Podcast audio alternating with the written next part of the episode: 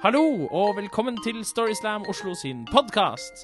Mitt navn er Audun Lunga, og jeg befinner meg i et studio i Oslo sammen med en person som jeg tror jeg kanskje har møtt en eller to ganger før. Det er i hvert fall noe litt kjent med deg. Karoline Marie Enoksen. Ja. Hei! Hei! Audun heter jeg. Så hyggelig. Kommer du ofte her?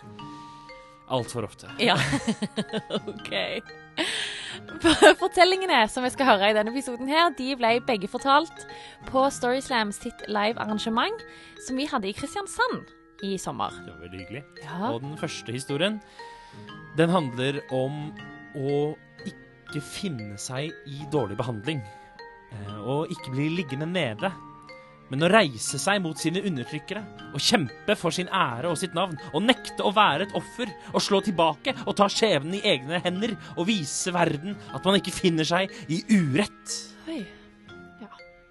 Eller bare, som jeg ville sagt, å ta hevn. Her er fortellingen til Birgitte Stien Nordbø.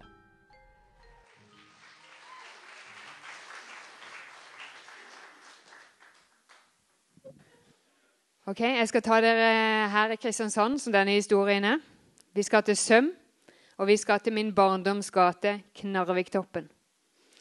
Det var 1982, og jeg var seks år gammel og hadde skrubbsår på begge knær. For jeg holdt på å lære meg å sykle på sykkelen min som var altfor stor. Det var min bestevenn Ruben som lærte meg å sykle. Han hadde òg en sykkel som var altfor stor, men han hadde lært seg det likevel. Ruben hadde alltid sånn morsom sveis som sto litt sånn til alle kanter. Morrasveis hele året. Vi sykla alltid rundt i gata, meg og Ruben. Eller lagde sånne små fantasiverdener som bare meg og han levde i. Vi hadde det så mye gøy sammen. Men ikke denne dagen.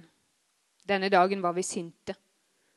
Vi var sinte fordi det hadde pågått en urettferdighet i vår gate som hadde fått pågå altfor lenge. Vi var sinte på de store guttene, leda av Jon Anders. De store guttene kasta så harde snøballer på oss om vinteren. De hadde faktisk hatt i frysen for de skulle bli ekstra harde. De store guttene valgte oss til slutt hvis vi endelig skulle få være med på en fotballkamp. De store guttene tok oss først når vi gjemte oss og hadde bom 50. Vi bestemte oss for å ta hevn. Hevn på Jon Anders. Og den hevnen måtte være genial. Den hevnen måtte heve oss og sørge for at han skjønte en gang for alle at han var dum. Vi skulle gi han en beskjed så det holdt. Og jeg, selv om jeg bare var seks år, så hadde jeg faktisk lært å skrive litt. Så vi gikk inn på kontoret til pappa og fant papir og blyant og en konvolutt. Og gikk inn i grusen, i skyggen, bak huset. Og der på muren skrev jeg D, d, Du er dum. Du er dum. Vi var kjempefornøyd med denne hardtslående beskjeden. Pakka sammen papir og putta det oppi konvolutten, og idet vi skulle til å slikke igjen, så kom vi til å tenke på at kanskje ikke det var hardtslående nok. Altså, Han var jo dum, men kom han til å skjønne det med de ordene? Nei, vi måtte ha noe med litt mer trøkk i, noe med litt mer slagkraft. Noe genialt. Vi kan jo putte en bæsj oppi brevet. Det var Ruben sitt forslag, og det var jo genialt. Da kom jeg jo ikke til å skjønne at Han var jo ikke bare dum, han var jo ikke bare en dust, han var jo også en drit. Så vi trakk oss litt lenger inn i skyggen bak huset. Kikka oss godt rundt, og der, på muren, trakk Ruben ned shortsen. Holdt seg godt fast mens jeg sikta konvolutten inn. Jeg ville jo egentlig ikke se, men så ville jeg jo se litt likevel. Litt lenger fram. Litt, der! der, Stopp nå! Kom igjen. Kom igjen. Ja, det er nok. Oi, som det stanka! Nå måtte vi bare komme oss usett bort til postkastativet. For der, i enden av gata, hang det et stort postkastativ med alle de grønne postkassene på. Og blant alle de grønne hang en hvit blanken med blomster. Jon Anders i postkasse. Det var merkelig stille i gata den dagen. Vi lista oss på en helt usynlig måte bort til postkastativet. Åpna lokket, putta oppi konvolutten, lukka igjen lokket og gjemte oss i busken bak postkastativet. og venta. Og venta. Og kikka bort på døra til Jon Anders sitt hus og tenkte at hvert øyeblikk nå så åpner den døra seg, så kommer han ut, så kommer han hen gata og åpner postkassa, så kommer han til å skjønne det, at han er jo dum. Han er jo en drit. Så vi venta og venta og venter og venter, Og der åpner døra seg. Og ut kom mora til Jon Anders. Og vi hadde jo ikke akkurat tenkt på at det er foreldrene igjen som henter posten. Hun går sikkert til bilen. Hun går kanskje en annen vei.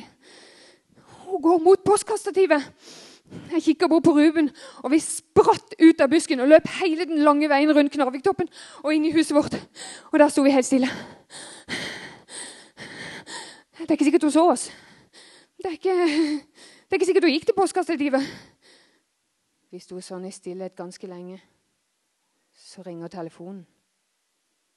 Ja? Hm. Nei Åh. Ja, jeg beklager så mye. Jeg skal sende de bort for å si unnskyld. Mor til Jon Anders avtalte med våre foreldre at vi skulle gå bort til Jon Anders og si unnskyld. Jeg husker veldig godt det der uttrykket i mamma sitt fjes. Det der blandinga av skuffelse og vantro. Og jeg husker den uendelig, uendelig lange veien bort til Jon Anders sitt hus. Den var dritkort, for det var jo rett over gata. Så vi gikk med sånn bitte, bitte små museskritt og håpte at hvis vi bare gikk seint nok, så ville mamma åpne vinduet og si 'Det er kveldsmat!' Og så rakk vi det ikke. Så kunne vi jo bare gå hjem igjen. Men vi rakk fram. Ding dong. Jeg kikka bort på Ruben, og han sto frem med sånne store øyne og sånn bitte liten munn og bare kikka på dørhåndtaket. Det var mor til Jon Anders som åpna døra. Hun hadde sånne bitte små øyne. Og munnen var sånn smal, og hun snakka med tennene litt sånn sammen. Jon Anders, det er noen her som skal si noe til deg. Jon Anders kom ut i døråpninga. Han hadde det breieste fliret. Han godta seg. Mm. Vi skulle bare si vi, skulle bare si eh, Jeg kikka bare på Ruben, og han sto fremdeles med sånn store ører og sånn bitte liten munn. Og han kunne jo tross alt si noe. Det var jo hans bæsj. Vi skulle bare si uh, unnskyld. Og så løp vi. Og etter den dagen var jo livet i gata akkurat som før. Men hvis dere noen gang treffer Jon Anders, så kan dere hilse ham fra meg og si Livet, Chris!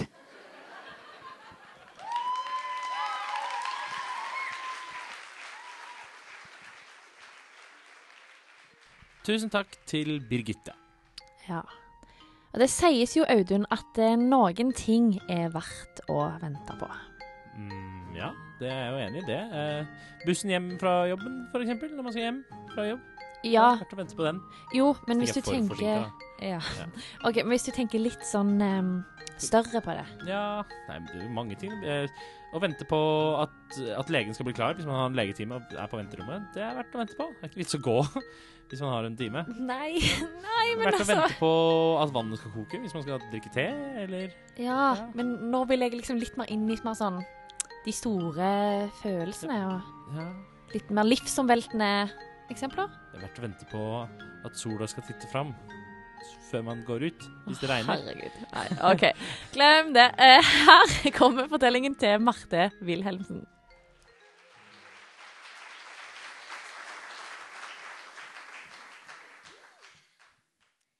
Første gang jeg møtte Håvard Hansen Pettersen, så sa det klaff med én eneste gang.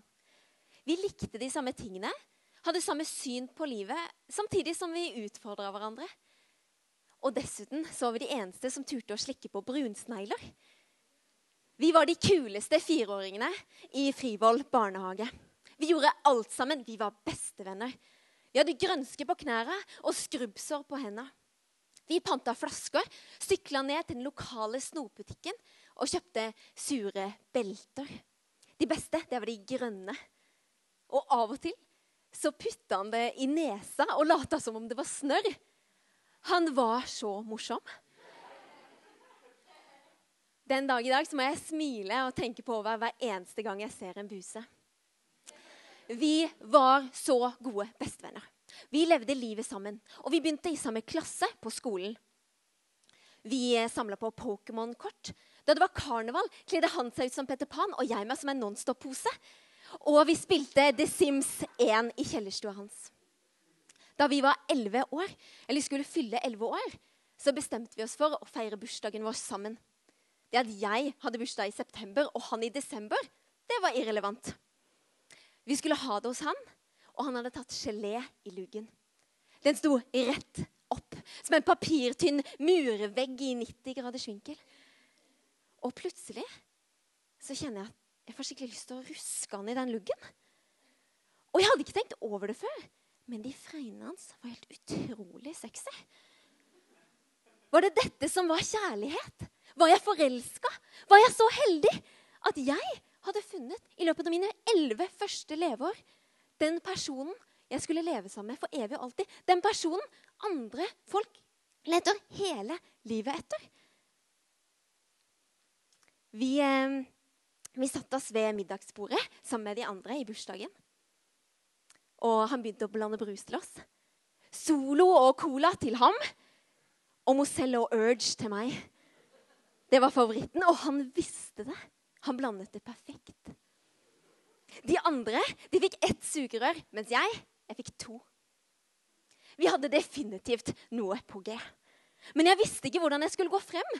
Skulle jeg si til han at jeg i løpet av den siste halvtimen hadde utvikla meg til en moden kvinne med lyster som kun kunne tilfredsstilles av et fregnefjes med gelé i luggen og skrubbsår på knærne? Skulle jeg bare ta tak i fregnefjeset hans og gi han et så lidenskapelig kyss at selv Romeo og Julies kjærlighetshistorie ville blekne? Jeg ville spørre Madeleine om hjelp, for hun var på en måte min beste venninne. Og hun hadde lest alle kjærlighetstipsene i Topp- og Julia-bladene. Og dessuten hadde, var hun den eneste som hadde hatt kjæreste. Hun var sammen med Sigurd. Eller det vil si, frem til i går, da. Da hadde de slått opp. De var ikke sammen lenger. De var ikke engang venner lenger. De snakket ikke med hverandre. Og jeg, jeg fikk ikke lov til å prate med Sigurd. Det hele var veldig dramatisk. Og de hadde visst eh, blitt sammen eh, da de var for unge, fortalte hun meg. De var ikke klare for de forventningene som det hørte med å ha kjæreste. Var jeg og Håvard for unge? Kom vi til å ødelegge vennskapet vårt?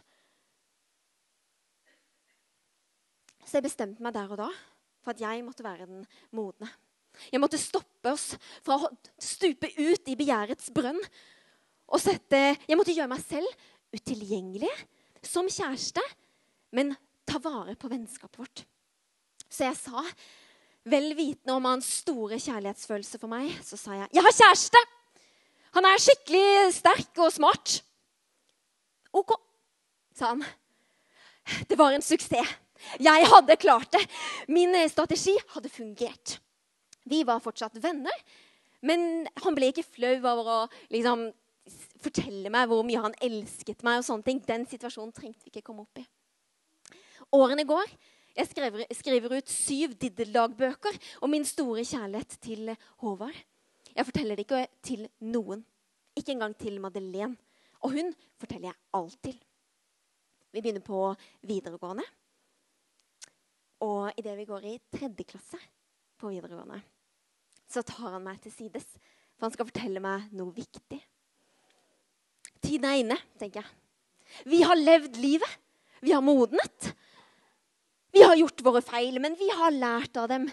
Vi er jo så godt som voksne. Vi er jo nesten russ. Og så, sier, så ser han meg inn i øynene, og så sier han eh, Jeg er skikkelig forelska. Men jeg er en så god venninne, og jeg, jeg, vet ikke hvordan jeg skal gå frem. For jeg vil ikke ødelegge vennskapet vårt. Jeg vet akkurat hvordan du har det, sa jeg. Og vet du hva? Jeg tror det er på tide. Vet du hva? Jeg vet at det er på tide. Det har ligget i kortene lenge. Og Håvard, jeg vil bli skikkelig lykkelig. Fett. Da drar jeg til Madeleine og spør om hun vil bli sammen med meg. sier han, 'Takk, Marte. Du er en skikkelig god venn.' Han lener seg frem og gir meg en vennskapelig klem. Og jeg gjør det eneste jeg kan for å redde ansikt. Jeg sier 'Jeg har kjæreste'. Han er sterk og smart. OK, sier han. Setter seg på sykkelen. Og min livs store kjærlighet blir sammen med min beste venninne. Senere får jeg vite at uh, Håvard han likte meg. Han Han var skikkelig forelska i meg. Barnehagen, barneskolen, ungdomsskolen og de første åra på videregående. Men han visste ikke hvordan han skulle gå frem.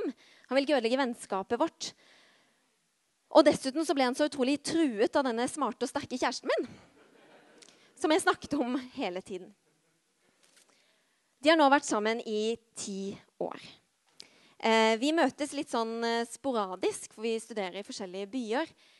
Eh, og for all del, de er et veldig bra par. Jeg er veldig glad i dem begge to. Men ja, som nevnt, så dessverre så møtes vi ikke så ofte. Men jeg vet at jeg skal treffe dem neste helg. Neste lørdag. Da skal de gifte seg. Og eh, min første reaksjon var 'Jeg har kjæreste!' Han er sterk og smart. Så nå er han invitert, da. Og de forventer dessverre at han fins.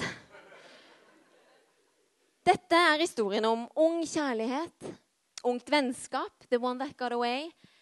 Man skal være glad på andres vegne, og at det ikke alltid lønner seg å lyve for å komme seg ut av en situasjon. Men først og fremst så er det mitt siste desperate forsøk på å skaffe meg en date til det bryllupet. Så hvis noen har en dress og tid neste lørdag, så sitter jeg på tredje rad. Takk for meg.